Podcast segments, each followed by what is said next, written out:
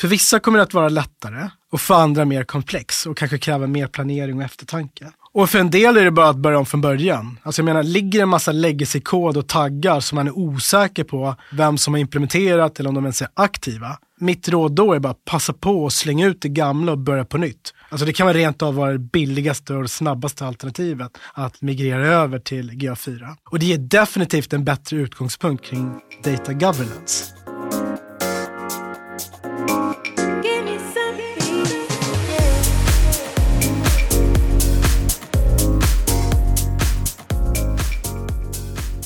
Det där var Ted Solomon och det här är ett nytt avsnitt av Digital marknadsföring med Tony Hammarlund. En podd där jag intervjuar några av Sveriges främsta branschexperter och marknadsförare.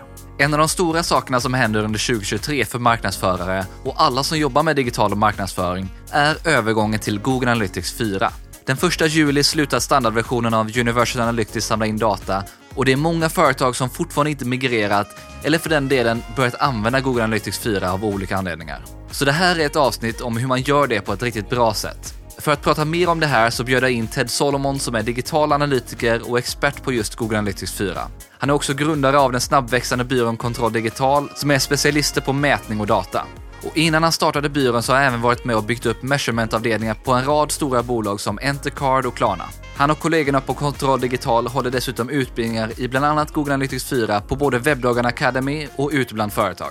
Ted och jag pratar i avsnittet om allt från hur man implementerar och migrerar till Google Analytics 4 till hur man kommer igång på ett bra sätt och får mer ut av analysverktyget. Samt undviker vanliga fallgropar. Du får bland annat höra om de största skillnaderna och möjligheterna mot Universal Analytics, varför marknadsförare borde bry sig mer om BigQuery och Google Cloud, best practice och tips för att få till en bra kontostruktur, viktiga inställningar och integrationer alla måste ha koll på, rekommendationer för event, eventstruktur och konverteringar, plus en massa tips för hur du maximerar din användning av verktyget. Jag håller tummarna för att du tycker om avsnittet och att det ger extra inspiration för att komma igång, oavsett om ni redan har implementerat eller inte. Och vill du lära dig mer om Google Analytics 4 efter att du har lyssnat så är det bara att lägga ett DM på LinkedIn eller mejla. Du hittar som vanligt länkar till allt vi nämner i poddenlägget på tonyhammarlund.io så du behöver inte anteckna. Och efter länkarna hittar du även tidsstämplar så att du enkelt kan hitta tillbaka till olika sektioner i intervjun. För vi drar igång veckans avsnitt så vill jag presentera mitt nyhetsbrev som når över 4 500 marknadsförare. Det gör det enklare att hålla koll på alla de viktigaste nyheterna inom digital marknadsföring och vad det innebär för dig som marknadsförare. Istället för att hålla koll på en mängd olika sajter, nyhetsbrev eller andra källor så får du det viktigaste kurerat och analyserat. Och det av en panel som består av några av Sveriges ledande experter. Om du inte prenumererar än så skriver du enkelt upp det på min webbsida. Men nu kör vi igång avsnittet och Ted börjar med en snabb jämförelse av de största skillnaderna mellan Universal Analytics och Google Analytics 4. Det finns många skillnader mellan UA, det vill säga Universal Analytics och GA4. Men det är väl främst tre huvudområden som jag skulle vilja belysa. Och ett är den underliggande datamodellen som nu är fundamentalt annorlunda. Och det andra är den modellerade datat och maskinlärningen som är inbyggd i produkten i mångt och mycket. Och det tredje är gratiskopplingen som vi nu har till BigQuery. Så, så de tre huvudområdena tycker jag är det som skiljer de, de här verktygen mest. Vad är det som skiljer mellan datamodellen som finns nu i Google Analytics 4 och det som fanns i Universal Analytics? Jag vill börja med att säga att UA och tidigare versioner av Google Analytics har i stort sett fungerat på samma sätt. Själva kärnan har varit densamma i snart liksom två decennier. och det är en lång tid för en SAS-produkt, vilket är ett väldigt gott kvitto och tecken på hur framgångsrik och uppskattad det här verktyget är. Men en stor nackdel med verktyget har varit att man inte, kan, att man inte har kunnat kombinera alla metriker med alla dimensioner. Det går liksom inte att skära i datat hur som helst. Och det är på grund av den här datamodellen som har en hierarkisk struktur. Där vissa metriker och dimensioner tillhör vissa hierarkiska fack och andra metriker och dimensioner tillhör andra hierarkiska fack. Och datat då som lever i de här olika facken som kallas för scopes går inte alltid att sammanföra. Och det gör att en viss rapportering och, och analys blir trubbigare för att man är liksom låst i den här rigida datamodellen. Men med GA4 då, de har tänkt om och byggt upp en ny datamodell från grunden. Man kan tänka sig att man liksom plattat ner den här hierarkiska datamodellen där metriker och dimensioner numera lever liksom inom samma space eller samma sfär. Vilket gör att analys och rapportering blir mycket mer flexibelt. Man kan mixa dimensioner och metriker mycket mer fritt. Så det är en stor skillnad. Och man pratar ju också om att man har gått då från en sessionsbaserad modell till en eventbaserad modell. Men precis, så de här scopesen har legat i hit-nivå, sessionsnivå och på usernivå. Och det man kan tänka sig är att den här datamodellen tar bort den här kärnkomponenten som är sessionsmodellerad data till att prata bara egentligen interaktioner som vi kallar för events. Det är en eventdriven datamodell. Så mellanlaget är lite bortraderat i mångt och mycket. Du tog också upp att maskininlärning är en stor del och en stor skillnad i Google Analytics 4 kontra Universal. Vad innebär det egentligen? När vi jobbar i Google Analytics så jobbar vi med det som kallas för observerad data. Det vill säga vi mäter faktiska interaktioner som sker på hemsidor och appar. Men den datakvaliteten sjunker allt mer med den här datainsamlingen som vi jobbar med. Och det är en sanning som vi behöver acceptera. Och det beror främst på spårningsförebyggande mekanismer i browsers, annonsblockerare, vi har regelverk kring privacy, consent och så vidare. Så vissa av dessa datagap kan man förvisso brygga med rätt teknisk kompetens i organisationen. Men i det stora hela så innebär det att vi kommer allt mer fortsätta att samla in mindre data. Och tillförlitligheten för datat kommer att fortsätta minska. Vi tappar till exempel konverteringar och en del konverteringar kommer att tillskrivas fel trafikkälla och så vidare. Och det är där Google Analytics 4 nu försöker mildra det här problemet till en viss del genom att använda sig av maskinlärning. Där man liksom modellerar data och använder olika algoritmer för att uppskatta och fylla i dataluckor som uppstår med våra trackingutmaningar. Och det här är ju någonting som man både gör i Google Analytics 4 och sen har vi också det som har introducerats med Consent Mode. Ja men precis. Man kan tänka sig att de här algoritmerna jobbar dels med consent mode och det är för att fylla luckorna kring hur många besökare och hur många besök som kommer. Vare sig man har fått consent eller inte. Den andra har med konverteringsmodellering att göra. Man kanske tappar en viss typ av, en viss del av sina konverteringar och då brygger den luckorna på konverteringsdelen utav datainsamlingen. Det här var maskininlärningen och hur man modellerar data i Google Analytics 4. Sen var du även inne på att en stor skillnad också är BigQuery som nu även finns i gratisversionen av GA4.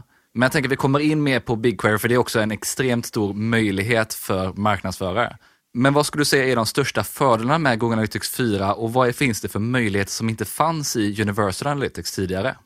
Jag tycker de två största möjligheterna som jag ser det med GA4 är att dels att man får mer analys-capability i verktyget och dels då att man kan få access till sitt rådata i BigQuery och eh, ha det i Google Cloud Platform. Och det är liksom två väldigt starka fördelar, eller USPar, med GA4 som vi har tidigare varit tvungna att betala för med UA i, i Google Analytics 360. Liksom. Och om vi börjar med de utökade möjligheterna till analys, vad innebär det egentligen? Så här, utöver standardrapporterna som vi är vana vid att ha i UA, där vi monitorerar liksom våra nyckelmetriker, så finns det nu även en samling features som kallas för Explore. Jag tror att de kallade det tidigare för an Analysis Hub. Precis som då Explore, eller namnet anspelar på, så låter det dig utforska den datan som du samlar in, där du kan gräva efter djupare insikter. Och det är liksom här du gör ad hoc-analyser och analyserar kundresor, cohorts, du applicerar och jämför olika segment. Du kan skapa pivottabeller och du kan visualisera datat liksom mer som du gör i Google Sheets. Och det är lite så jag tänker på den här äh, sviten av verktyg, att man liksom fått ett litet Google Sheets light-verktyg instoppad i, i GA. Så det är toppen. Ja, för det är någonting som jag verkligen tycker om, just att man kan få den här möjligheten redan i gränssnittet utan att behöva exportera ut datan till Google Sheets eller annat analysprogram. Eller för den delen att ta upp någonting i Looker Studio eller liknande. Ja men precis, jag tycker att den Explore-delen gör att man nästan, alltså G har ju nästan enbart varit ett rapporteringsverktyg. Nu börjar det bli även ett analysverktyg på riktigt. Och det är en stor, ett stort framsteg tycker jag. Och sen tog du också upp BigQuery som sagt. Varför ska marknadsförare bry sig om BigQuery och Google Cloud? Möjligheten med BigQuery är att man nu har möjligheten att besvara mer komplexa marknadsföringsfrågor helt enkelt. Allt ifrån customer lifetime value, man kan gräva efter djupare insikter, bygga mer komplexa segment utan att eh, oroa för samplingproblem, vilket man lätt får när man, hamnar, när man är i gränssnittet. Men framförallt att man kan nu berika och kombinera GAs dataset med andra externa dataset, till exempel så som ditt CRM-system eller om du har data om lagersaldo eller kreditdata och så vidare. Och det är ju jättestort. Nu är vi inte bara låsta till det som händer på hemsidan eller appen. Nu kan vi faktiskt kombinera det med data från resten av affären eller verksamheten. Varför tror du att Google ger oss tillgång till det här direkt i gratisversionen av GA4 nu? Det är en bra fråga. Jag kan bara sia, eller gissa, varför jag tror att det är så. Google köpte upp ett bolag som heter Urchin 2005 eller 2006 eller nu vad det nu än var. Det var ju liksom grunden till det som vi kallar för Google Analytics idag. Och det var en betalversion tidigare. Och det släppte man nu till massorna och lät alla marknadschefer och alla marknadsavdelningar få tillgång till analysverktyget som har varit en enterprise-lösning tidigare. Och jag tror att det har varit katalysatorn till att en stor skift från traditionell media har förflyttat sig till digital marknadsföring. Så det var ett väldigt strategiskt smart manövring av Google där man nu kunde påvisa effekten av digital marknadsföring på ett sätt som man inte varit van vid tidigare. På samma sätt tror jag nu att eh, Google försöker få in så många marknadsavdelningar och marknadsaktörer in i Google Cloud Platform. Det är liksom deras nästa stora bett och nästa stora affärsben tror jag. Så det skulle vara min liksom killgissning på varför man släpper det här gratis. Jag tycker ju också att Google Analytics 4 är ju faktiskt både snyggare och enklare att arbeta när man väl har kommit in i det lite. Det var en viss puckel när man skulle komma igång och gå över från Universal, men nu tycker jag faktiskt bättre om GA4 än att sitta i Universal Analytics som jag gjorde tidigare. Ja, jag instämmer helt och hållet. Jag fick ont i ögonen när jag tittade på gränssnittet eh, tidigare. och, och, och, jag tror att en stor frustration har varit att eh, när de annonserade att Universal Analytics skulle liksom pensioneras, då var den här produkten och gränssnittet ganska ofärdigt. Och jag upplever att man liksom prioriterade att släppa väldigt avancerade funktioner som den här Explore-sviten och predikativa målgrupper och maskinlärning. Och funnel-rapporterna inte minst. Funnel-rapporterna och så vidare. Och, och, det är toppen allt det där. Men man hade liksom försummat basic-grejerna, liksom de här äh, huvud eller nyckelmetrikerna och dimensionerna som man varit vana vid och är beroende av att ha från UA. Det hade man liksom inte riktigt fått till i gränssnittet. Så det var väldigt mycket inom standardrapporterna som jag upplevde var ofärdigt när man rullade ut där. Äh. Men det börjar komma nu. Nu brukar jag tycka att så här, hade, man, hade man marknadsfört eller liksom rullat ut Google Analytics 4 så som det ser ut nu, då, då tror jag att det här hade varit en lättare pill att svälja garanterat framförallt att man hade gjort det i samband med när man faktiskt gick ut och sa att nu kommer vi stänga ner eller sluta samla in data i Universal Analytics. Ja, hela den här utrullningen har ju känt väldigt eh, forcerad och påskyndat på något sätt. Och jag vet inte riktigt vad som, vad som har försiggått där, men jag upplever att det har funnits en stor frustration där ute. Men om vi går över lite till det här med att faktiskt komma igång med Google Analytics 4 och göra den här switchen och migrera över till Google Analytics 4. Hur gör man det på ett bra sätt? Ja, det är en bra fråga.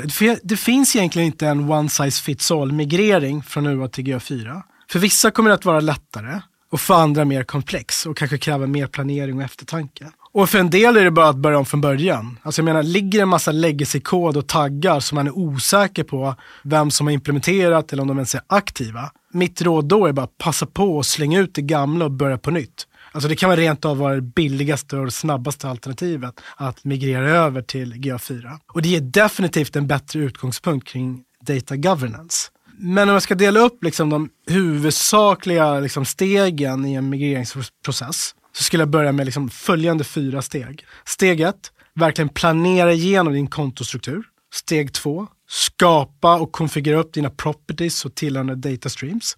Tre, validera eller implementera trackingen då. Och framförallt implementera manuellt de här custom eventsen som man vill mäta.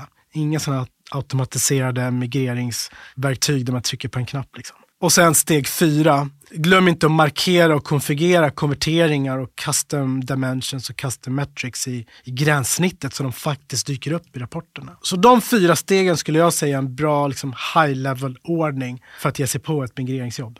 Ja, men det är jättebra att få det i ett par sådana här huvudsakliga steg. Och det här inkluderar ju heller inte då själva tekniska uppsättningen, för det kan man ju också göra på mängder av olika sätt. Att implementera själva spårningen i sig. För det kan ju ske via Google Tag Manager, via CMS med någon G-tag. Det finns många olika sätt att faktiskt få in spårningen på sajten eller i appen. Men om vi börjar med kontostruktur, kan du ge några exempel på typiska strukturer och hur de fungerar i praktiken?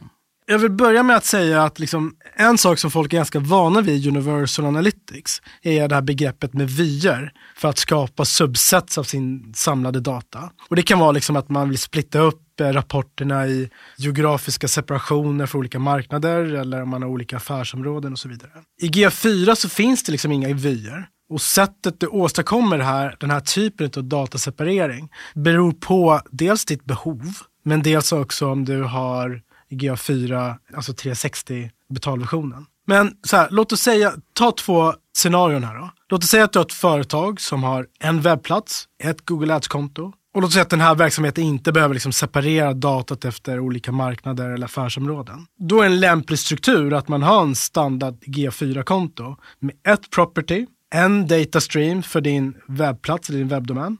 Och skulle man då även ha en app så lägger man till det som en ytterligare data stream. Ganska basic, ganska enkelt. Men i scenario två då, man har en mer komplex organisation med fler olika geografiska marknader, flera olika affärsenheter och där varje region kanske har sina egna webbplatser och appar. Och vidare kanske att varje region har till och med sina egna marknadsföringsteams med separata Google Ads-konto. Nu börjar det bli liksom riktigt stökigt. ja, men då behöver man såklart vara mycket mer eftertänksam. Och så får man tänka på så här, hur ser det här behovet ut egentligen? Om den här paraplyorganisationen vill kunna få en global vy av datat, alltså aggregerade från alla sina affärsenheter och geografiska marknader men hindra användare från olika affärsenheter för att kunna få access till andra affärsenheter. Då skulle man behöva en kontostruktur där man fortfarande har ett GA4-konto för själva paraplyorganisationen som då äger ägandeskapet av datat. Men där man har liksom sub-properties för varje geografisk affärsenhet. Och, och sub-properties är en 360-feature. Det vill säga att det bara finns för betalversionen av GA4. Och då kan man separera datat då för varje affärsenhet. Då. Men om det inte är så jäkla viktigt med att separera accesserna mellan olika användare, då är sättet man filtrerar datat mellan de olika marknaderna i gränssnittet. Man använder det så kallat för comparisons och filtrerar baserat på det. Men vidare då, låt oss säga att man bara behöver ha ett property. Ja, då slänger man på då dataströmmar från de lokala apparna och de lokala webbplatserna. Och så får man då som sagt filtrera datat i gränssnittet. Då. Och samma princip gäller då att man länkar varje lokal Google Ads-konto till det här gemensamma propertyt. Så där har du två väldigt skilda kontostrukturer och hur de skulle kunna fungera. Ja, för det här är ju väldigt viktigt att tänka på när man är här i början av migreringen, att få till sin kontostruktur. För det är ju en av de sakerna som är extremt jobbigt att ändra på i efterhand sen. Ja men verkligen. Nej, men eh, inställningen som man, som man är van vid att ha Universal Analytics ligger ut, lite mer nu utspritt i inställningarna. Inställningar för tidszon och valutor, det ligger nu på property-nivå, det fanns tidigare i vy-nivå och så vidare. Och vyer var ju en sån här grej som när de flesta började titta på Google Analytics 4 och såg att vi har inga vyer längre. Det var en av de första sakerna som alla blev väldigt, väldigt förvånade över och tänkte hur ska vi göra detta på ett bra sätt? Du pratar här om geografi och huruvida man ska ha tillgång till data mellan olika avdelningar till exempel eller olika marknader. Men två andra saker som också spelar ganska stor roll för hur man ska sätta upp sin kontostruktur är just valutan och tidszonen. Lite beroende på just hur inställningarna för Google Analytics 4 ser ut. Ja men precis. För vissa verksamheter, då är inte det jätteviktigt. Alltså har, opererar du bara i Sverige till exempel, då är det, liksom, det är en tidszon, det är en valuta, suite, du sätter i property settings. Men där det kan börja bli stökigt är liksom när du har en väldigt global organisation, där du fortfarande vill se allting aggregerat, men där det är väldigt viktigt att kunna separera de här tidszonerna och valutorna. då blir det mycket mäckigare. Liksom. Då får man nästan välja, ska man ha allt under samma property eller måste man dela upp det här är olika properties. Det man tappar då är kanske att man inte kan få allting aggregerat under en och samma global vy. Liksom. Där behövs det återigen lite eftertänksamhet och förstå trade-offsen. Det här är några inställningar. Vad finns det annars för inställningar eller integrationer som är viktigt att ha koll på när man gör sin implementation? Det är en hel del inställningar man bör ha koll på i G4. Men för att bara välja ut något som jag tycker har liksom en kanske den kraftigaste konsekvensen i själva datarapporteringen så är det den inställningen som kallas för data settings. Så under menyn som heter data settings kan man välja inställningar för data collection, data filters, data retention. Och där är under property liksom nivån, inte inne i varje enskild data stream. Och om jag tar dem en och en då. I data collection, där man väljer primärt där är ju att slå på, att välja om man ska slå på Google Signals eller inte. Här tror jag att många kan trolla bort sig lite grann. Google Signals är liksom Googles egenägda dataset som de använder för att dels spåra användare fler enheter, det vill säga cross-device, och dels för att rikta personaliserad reklam. Så det här är liksom ett dataset som man kan liksom få berikat i sitt Google Analytics dataset. Liksom. Och det är någonting du väljer om du vill slå på då. Så om du, om du vill berika geodatasättet för att duplicera antal användare i dina rapporter. Du kanske vill få insikter om demografi och intressen och se hur stor andel av besökare som har en gross device-resa. Dessutom skulle jag också säga att Google Signals är liksom nödvändigt att slå på om man vill kunna skapa audiences och segment som man sen vill exportera ut till till exempel Google Ads. Och det här låter som en no-brainer att man vill ha påslaget. Men, men här vill jag verkligen liksom hissa en varningsflagga. För det man bör i åtanke här är att det kan finnas en privacy-risk i att man tar anonymiserad webbstatistikdata som du har samlat in och man delar det med Google som kan knyta det till faktiska användare. Så en stark rekommendation där är bara att ta en diskussion med legalavdelning innan man bara blint slår på den här inställningen. Sen en annan viktig nackdel tycker jag är att man lättare blir drabbad av datagränser i sina rapporter. Det som kallas för thresholds. Och de här thresholdsen tillämpas för att kunna skydda som Googles integritet, alltså integriteten av Googles signals datasättet och förhindra oss som tittar på rapporten i GA så att inte vi kan härleda personens identitet baserat på demografi, intressen och andra signaler. Just när datavolymen är tillräckligt liten. Konsekvensen av det här blir ju att Google alltså tar bort eller håller bort viss data från oss, vilket de inte hade gjort på sam till samma utsträckning om man inte hade haft det här påslaget. Så jag vill bara säga så här, jag tycker min personliga rekommendation är skapa ett property där man inte har Google Signals påslaget och använder det som baseline. Och sen vill man jobba mer med marknadsföring och få de här berikade datarapporterna med demografi och cross-device dedupliceringen, kör det ett separat property som blir typ som en kopia och så kan du jämföra de två. Liksom. Men, men coren borde vara liksom så eh, ren som möjligt. Ja, det här är någonting verkligen att se upp med. Om man är lite osäker kring privacy och integritet när det gäller GA4 och Google Analytics överlag, så ska man i allra högsta grad se upp med Google Signals just nu i alla fall. Jag instämmer, verkligen.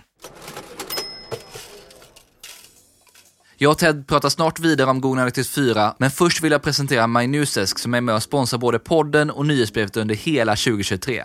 MyNewsDesk hjälper marknadsförare och kommunikatörer att skapa kännedom, nå rätt målgrupper och bygga starka relationer. Med deras smarta PR-plattform kan du effektivisera publicering och distribution, förenkla mätning av dina PR-insatser, bevaka vad som sägs om ditt företag och din bransch, skapa ditt eget nyhetsrum och få tillgång till ett oslagbart journalistnätverk. Man lanserade dessutom nyligen det man kallar Content AI som bygger på en integration med GPT-3. Tillsammans med smarta mallar för pressmeddelanden gör det att du snabbt kan få ett första utkast att jobba vidare från. Vill du veta mer om det och allt annat man erbjuder så går du bara in på mynewsdesk.se och hälsa gärna från mig. Stort tack för att ni är med och sponsrar podden MyNewsDesk. Vad hade du för fler inställningar eller funktioner som är viktiga att ha koll på där inom datainställningarna? Ja, men en sån här liksom, inställning som jag tycker är, faktiskt är väldigt givet, det är det som heter data retention. Fortfarande under där data settings. Och det är där man anger hur länge datat ska lagras i Google Analytics innan det raderas automatiskt från deras servrar. Det är inget som påverkar standardrapporterna, men det påverkar liksom de här custom-rapporterna som man själv bygger under Explore. Och här rekommenderar jag oftast att ange 14 månader istället för de här eh, förvalda två månaderna jag förstår inte varför man har valt två månader som förinställning. Jag tror de flesta tycker nog att det är intressant att eh, kunna själv göra ad hoc-analyser på användare under, med en längre tillbakablick. Sen har vi också datafilter och det är här man filtrerar till exempel sina interna IP-adresser. Det som inte är så jätteintuitivt är att man behöver göra på två ställen. Så man behöver dels definiera vilka IP-adresser man har, vill ha filtrerade. Och det gör man under data streams, liksom under, under konfigurationen av data streams. Så där lägger man till vilka IP-adresser som då kanske är interna IP-adresser eller om man har IP-adresser. Det definierar man där. Sen går man in då under den här data settings och data filter och där väljer man att filtrera bort då IP-adresserna, markera det som att det här är IP-adresser, låt inte det dyka upp i mina rapporter. Sen om man är en utvecklare eller liksom debuggar sin implementation och sin tracking och sitter lokalt på sin dator, då skickas oftast med en liten flagga med varje event som man skickar med. Och den flaggan kan man välja att filtrera bort också under data filters. Så att du som utvecklare, ditt data skräpar inte ner rapporterna. Så det kan man göra under data filters. Sen kan man ju säga att liksom, den här rekommendationen man hade i UA där man skulle ha ett råfilter och ett testfilter och ett rapporteringsfilter. Den best practicen är ju lite borta i GA4. Så eh, IP-adresser är någonting man filtrerar på property-nivå. Man definierar det i data streams. Sen är det liksom lite, vi har provat både och, att liksom filtrera vår interna, liksom när vi debuggar och utvecklar hitsen och inte vill polluta våra rapporter som ett datafilter. Men sen kan man också skapa det här som en, en separat property, som en kopia. Så det är lite smak och tycke beroende på behov. Det är ett nytt sätt att jobba på och det finns lite nya sätt man måste som sagt göra inställningarna för sina egendomar och nu när vi har data streams istället för att hålla på med vyer och, och liknande. Så det är ju lite annorlunda och det är lite nya best practice som man behöver få in i det också. Ja men självklart. Och sen finns det ju jättemånga fler inställningar man kanske borde ha koll på. Men för att täcka det skulle det här snabbt bli en halvdagskurs i G4 i poddformat. Finns det några vanliga fallgropar eller saker som du ser att många marknadsförare eller företag gör fel när de sätter upp GA4? Ja, men en typisk fallgrop är att man inte egentligen har en enhetlig namnkonvention. Och så man underskattar hur allvarligt det här kan vara, att bara döpa saker och ting hej vilt. Eh, och det låter banalt och oskyldigt, men jag har sett liksom konsekvenserna av det här. Och det här brukar inte drabba oss inom webbvärlden, men i appvärlden brukar det här vara ett rejält problem. Där man har många olika utvecklingsteam som sitter och jobbar med olika features och varje team ansvarar för sin egen tracking. Och det som händer då är att man till exempel, låt oss ta att vi har ett event som vill spåra och det är liksom formulär, formulärinskick. Och så tar ett team och stavar det som form understreck submit, små bokstäver. Och så är det ett annat team som har ett formulär i sin del av appen och där skriver man liksom form submit, ett ord, stort F liksom. Och sen finns det liksom alla versioner av hur man stavar det här liksom. Och det som händer då är att man kan inte summera metriken. Hur många formulärinskick hade vi totalt sett? Allt blir liksom separata events och det blir svårt att följa upp och nya som börjar jobba blir förvirrade. De vet inte vad de ska titta på. Är det Formsummit med stort F eller ett litet F? Varför det här två olika events? Det finns ingen dokumentation. Och sen till slut så ger man liksom uppgivet upp och säger så här, jag går inte att lita på Google Analytics 4 och, och man borde byta verktyg och liksom I've seen this before, too many times. Liksom. Så naming convention är A och O och har det väldigt stringent. Liksom. Det här med namn är extremt viktigt i Google Analytics. Även om vi nu har fått lite bättre verktyg för att hantera det i Google Analytics 4 än vad vi hade i Universal Analytics där det var, har man gjort fel så kommer det alltid vara fel. Men nu går det ju faktiskt att modifiera events på ett bättre sätt och lösa det i efterhand också. Ja men precis, sen tycker jag att det är en bra dokumentation som GA4 har där de liksom starkt rekommenderar hur namnkonventionen ska se ut. Vissa events, om de inte är namngett på rätt sätt, kommer inte dyka upp i, i rapporterna. Som till exempel eh, e-handelsevent till exempel. Det måste följa en väldigt rigid namnkonvention, annars dyker inte det upp. Hur rekommenderar du att man ska tänka då för att få till en bra eventstruktur i GA4? I Universal Analytics så hade man en hierarkisk struktur kring hur man skapade custom events. Och det var liksom event category, event action, event label. Och man var tvungen att liksom använda de här tre variablerna när man skulle mäta anpassade liksom mätpunkter. Och den eventstrukturen ser inte ut så i GA4. Det finns inte den här hierarkin utan allting är liksom ett eventnamn och så klär man eventet med kontextuell data i form av properties. Och det gör att man inte är liksom bunden till den rigida hierarkiska modellen där du bara liksom kan ha två parametrar av kontextuell data. Så eventstrukturen i GA4, du har ett eventnamn, du har properties och sättet jag brukar tänka på det här är att själva eventnamnet är som en rad i mina rapporter. Och antal gånger som det här eventet har skjutits är själva metriken som aggregeras upp på den radens event count. Och sen tänker jag då på properties som metadata där man ytterligare kan sätta dimensioner som man kan skära själva eventet på. Jag vet inte om det där var lätt att ta till sig men jag tycker att förstå eventstrukturen och förstå hur den mappas in till rapporterna är ett bra sätt att kravställa till utvecklare eller tekniska analytiker hur man skulle vilja få in en mätpunkt. Och då tänker man då eventnamn, i antal gånger en metrik sker och sen har man då properties för att kunna skära i datan. Så, så låt mig bara ge ett exempel så kanske det här blir tydligare. Vi tar återigen formulärinskicket då, som ett event. Och låt oss säga att den här hemsidan eller appen har fem stycken olika typer av formulär. Och det man vill kunna följa upp är liksom så här, hur många, totalt hur många formulärinskick hade jag i den här, på den här hemsidan. Och då har du ett eventnamn som heter Form Submit.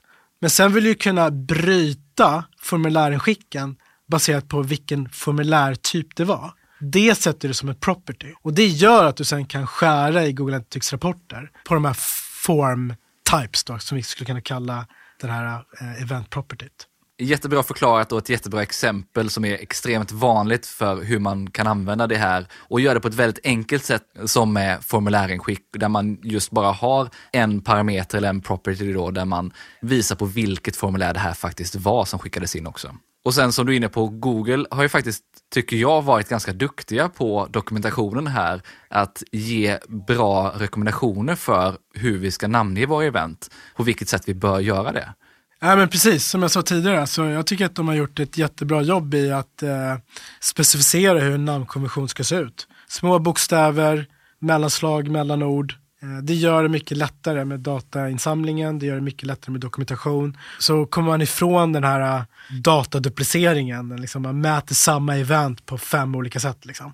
Det här är eventen och hur man får en bra struktur på dem. Men hur är det sen med konverteringar? För det skiljer ju också en hel del från för hur vi har gjort det i Universal Analytics. Eh, det skulle jag säga där är att man kan nu markera upp till 30 event som konverteringar. Till skillnad från då Universal Analytics 20 som man hade per vi. Och sen kanske man ska säga också att man måste markera ett event som en konvertering för att till exempel kunna se konverteringsgrader i, låt oss säga, traffic acquisition-rapporten. Och sen kanske bara en liten så detalj är att vissa event markeras automatiskt som konverteringar till exempel som purchase-eventet. Sen när det kommer till skillnader mot UA så kan det vara bra att veta att ett event som är markerat som en konvertering i GA4 beräknas varje gång det eventet triggas eller sker. Det vill säga, sker ett event fem gånger under en session, då räknas det som fem konverteringar. I UA, där man hade ett mål, räknades det bara en gång per session. Så oavsett om fem måluppfyllnader skedde under samma session så räknas det bara en gång som en konvertering. Så konklusionen är att jämför man konvertering mellan GA4 och UA, då har man förmodligen fler konverteringar i GA4. Och det här tycker jag är en fantastiskt bra förbättring i GA4 kontra Universal. Att man faktiskt mäter konverteringar varenda gång och inte bara en gång per session. Äh, det är stor upplyft, det är ett väldigt stort upplyft. Alltså man behöver inte ha e-handelsspårning för att mäta liksom fler transaktioner under en och samma session. Så, så det är ett step up, tycker jag. Jag håller med. För vissa sajter är det ju inte ett problem att ha det, för att man har inte så många konverteringspunkter. Men för många är det ett faktiskt problem där man försöker jobba med både makrokonverteringar och mikrokonverteringar på sajt och så mäter man bara en gång per session. Ja men precis, och jag, jag tror att så här, äh, GA4 gör ju att allting blir lite mer flexibelt. Eh, det är lite mer anpassat, inte bara för webbplatser men även för appar. Man kan ha en gaming-app och liksom konverteringar betyder någonting annat i, i appen än vad det gör på webben. Vi pratar väldigt mycket om tra traffic acquisition och konverteringsgrader där. Medan i apparna så vill man ju bara förvärva en användare liksom. Och sen börjar liksom massa interaktioner och mikrokonverteringar och engagement ske därefter. Liksom. Så att um, jag tycker att det är en mer flexibel datamodell som, som sagt tidigare och att kunna ha mer flexibilitet i, i vad man mäter som mikrokonverteringar och makrokonverteringar är en stor förbättring. När vi ändå pratar konverteringar, så en sak som faktiskt finns i inställningarna nu är ju attribution och där man faktiskt har möjlighet att ändra det. Så hur fungerar det i GA4 och vilka rapporter påverkar det sen i gränssnittet?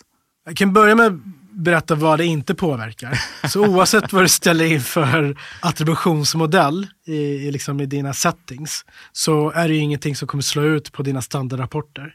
Men sen vill jag börja med att säga så här, det finns tre olika liksom, attributionsscopes i GA4. Ett är på ljusnivå, ett är på sessionsnivå och ett på eventnivå. Och om vi börjar med så här sessionsnivå, det är ju det vi har haft i Universal Analytics tidigare.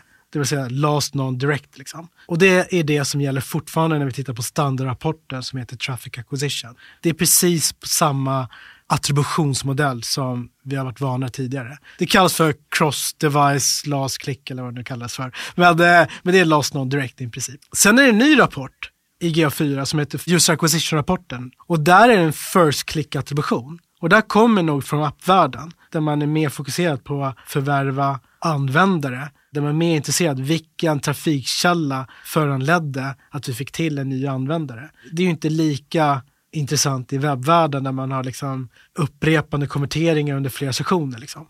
Så attributionsmodellen under den standardrapporten som heter User Acquisition är en man kan tänka sig att det är en first click-attribution. Det tredje scopet med det här event-bucketen eller event-scopade attributionen, det är där de här olika attributionsmodellerna som man kan labba med i adminläget. Det är där det liksom träder kraft.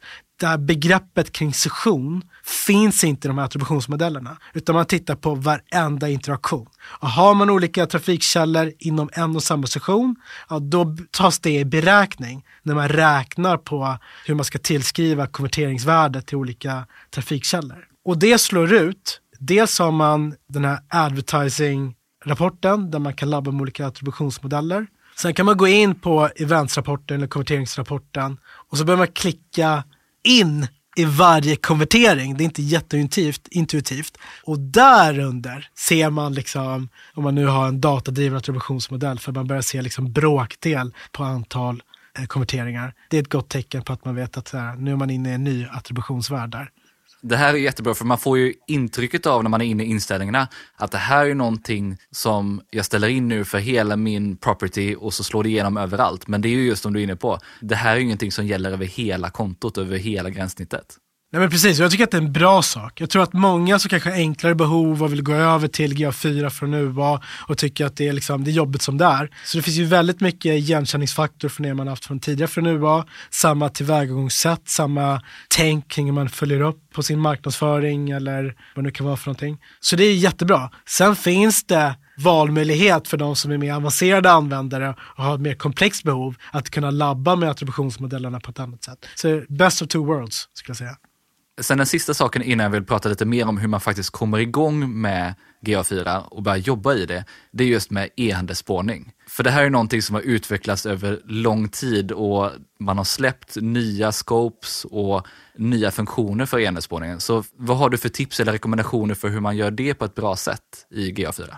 om man aldrig haft e-handelsspårning tidigare så bör man vara beredd på att det här är en ganska djup teknisk implementation som kräver hjälp av utvecklare. Så en stark rekommendation är här att använda Google Tag Manager och populera datalaget med det som kallas en e-handelsdataobjekt. Och här ska man vara medveten om att G4 har ett annat datalagerschema än vad UA hade. Så här gäller det att se till att man specificerar rätt instruktioner till utvecklarna. Men om man redan har en befintlig e-handelsspårning i UA med en robust liksom, data i, i GTMs datalager. Men där man inte har liksom, tillgång till utvecklade resurser eller bandbredd för det för att kunna så här, anpassa det här datalagret till GA4.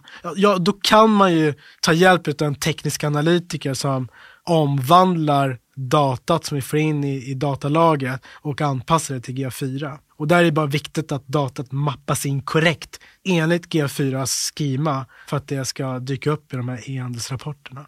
Och sen om man sitter i en bra plattform så får man rätt mycket gratis där vi också. Ja men, ja, men jag tycker ändå att de flesta CMS-systemen har inte hunnit riktigt ikapp att implementera kopplingar till G4. Jag ser väldigt mycket Universal Analytics-kopplingar där och eh, jag tror att det ligger väldigt många backlogs där ute där man ska få, få till de här kopplingarna till G4. Så uh, jag tror inte att alla de kommer vara klara innan första juli. Om man nu har tekniken på plats, man har fått till en bra kontostruktur, hur gör man den här övergången på ett bra sätt när man har all teknik på plats? Mitt tips är att börja enkelt och, börja använda de rapporterna som man brukar använda i UA för att monitorera sina nyckelkopior och metriker. För de allra flesta så motsvarar nog de här rapporterna man använder i UA väldigt väl med GA4. För min erfarenhet är att de mest besökta rapporterna i UA har varit Traffic Acquisition-rapporten och All Page-rapporten. Jag skulle tippa på att de står förmodligen för 90% av allt rapporttittande i UA. Jag kanske tar i, men typ någonting åt, åt det hållet. Liksom. Och, och de här rapporterna heter ju GA4, G Traffic Acquisition-rapporten, precis som det gör i UA. Och sen heter då All Page-rapporten för Pages och Screens. Chansen är nog ganska stor att det du letar efter hittar du nog där.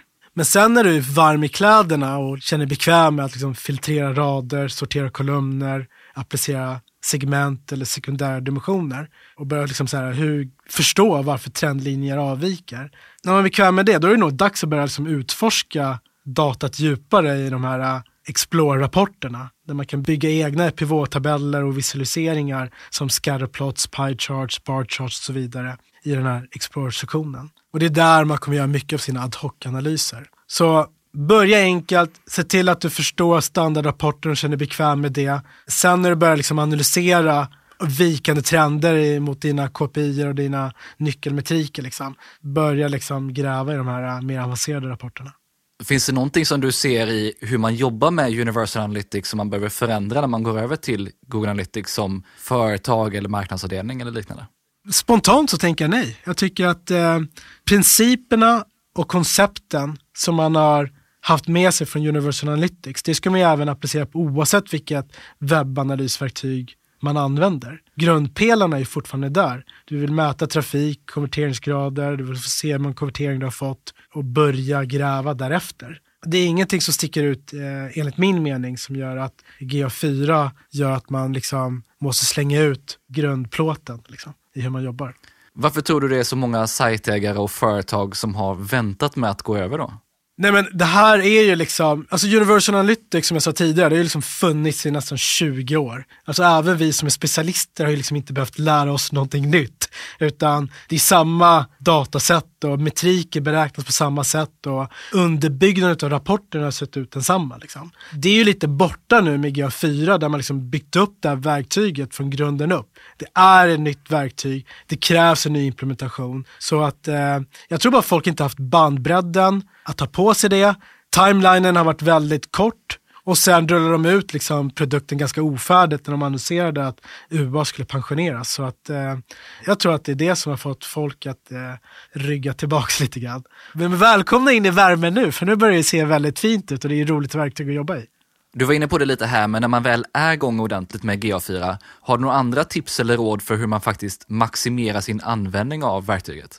Ja, alltså så här, små enkla tips är att skräddarsy standardrapporterna så, så att man till exempel får source medium förvalt i till exempel acquisition-rapporten. Det är inte nu för någon märklig anledning. Sen tycker jag så här, lägg till konverteringsgrad. Det är en ganska viktig metrik för de flesta. Som en kolumn då i standardrapporterna. Och sen liksom bara så UX-mässigt så här, flytta fram kolumnen som visar på konverteringar längre till vänster så man inte slipper behöva scrolla längst till höger för att hitta liksom, en metrik som är liksom bland det viktigaste att ha i det här datasättet. Liksom. Men sen tycker jag att en stor fallgrop som många gör är att de försöker göra den här migreringen för enkelt och använda automatiserade migreringsverktyg. Liksom. Och när datat inte är korrekt, när konverteringar inte matchar backend, då börjar liksom misstro kring verktyget växa. Och sen eh, tar liksom marknadsförare och rapporterar siffror till ledningsgruppen som inte lirar med verkligheten. Då tas dumma beslut uppifrån liksom, baserat på den inputen. Som till exempel, ah, vi måste stänga av den här budgeten eller den här kanalen och så vidare det är ett väldigt klassiskt scenario. Så jag, jag, bara säger tracking, tracking, tracking. Investera i det så får man nog bättre affärsbeslut. Och mitt sista tips bara är så här, och det är ganska stort råd. Ta en Google Analytics 4-kurs om du känner dig osäker. Så slipper du göra massa research, lägga massa tid på att liksom leta efter saker och ting som är spritt över nätet. Ta en halvdag, ta en hel dag, få ett strukturerat, kurerat innehåll. Det är nog en bra investering för att liksom snabbt komma till skott och undvika de här vanliga falluckorna skulle jag säga. Ja, men det är ett par riktigt bra tips och jag tycker verkligen att man bör sätta sig in i Google Analytics 4 och se det som ett inlärningsår mer eller mindre. För att vi har suttit i Universal Analytics under lång tid och har lärt oss hur allting fungerar, men nu måste vi faktiskt lära om oss på nytt. Så då är det viktigt att faktiskt lägga lite tid på det. Finns det något annat viktigt som du tycker att vi har missat att prata om? Nej, men jag vill bara så slå ett extra slag för eh, den här kopplingen till BigQuery. Även om det känns väldigt tekniskt och alla inte har riktigt koll på BigQuery som marknadsförare. Men det är något som framtidssäkrar det här verktyget enligt min mening. Det andra är att nu börjar Google Analytics dataset som har liksom varit som ett silo i, i gränssnittet börja bli användbart för andra folk i organisationen, alltså data analysts, data engineers, tech team, produktteam. Så att ha det ett, liksom ett data warehouse som, med ett datasätt som andra begriper. För de förstår det här datasättet om det ligger i BigQuery. Så det är ju ett bra sätt att börja innovera och, och liksom besvara mer komplexa marknadsföringsfrågor. Så aktivera det, lär er vokabuläret och, och var proaktiva att liksom reacha ut till andra avdelningar som jobbar i, i datavaruhus och i databaser och så vidare. Så det, jag tror att det är ett väldigt starkt tips som jag skulle verkligen ge till folk. Stort tack för att du har lyssnat. Förhoppningsvis gav det här lite extra inspiration att komma igång ordentligt med Google Analytics 4 eller migrera om ni inte har gjort det än. För det är ett riktigt bra verktyg och ger oss marknadsförare många nya möjligheter. Och vill du lära dig mer om Google Analytics 4 så är det bara att mejla eller skicka ett DM på LinkedIn. Jag vill också gärna höra dina tankar om avsnittet och vad du tog med dig i ett inlägg, en kommentar eller ett DM. Och om du tycker mycket om podden så hade jag verkligen uppskattat ett snällt omdöme eller betyg i Apple Podcast eller Spotify. För det hjälper podden mycket att synas. Och om det här är det första avsnittet av podden du lyssnar på så hoppas jag också att du klickar prenumerera i din poddapp. Du hittar som vanligt länkar till allt vi pratade om i poddenlägget på tonyhammarlund.io. Ted har dessutom samlat ihop en massa bra länkar och tips på resurser. Vill du komma i kontakt med och följa Ted så hittar du länk till hans LinkedIn i poddenlägget och passa gärna på att connecta med mig också om du inte redan gjort det.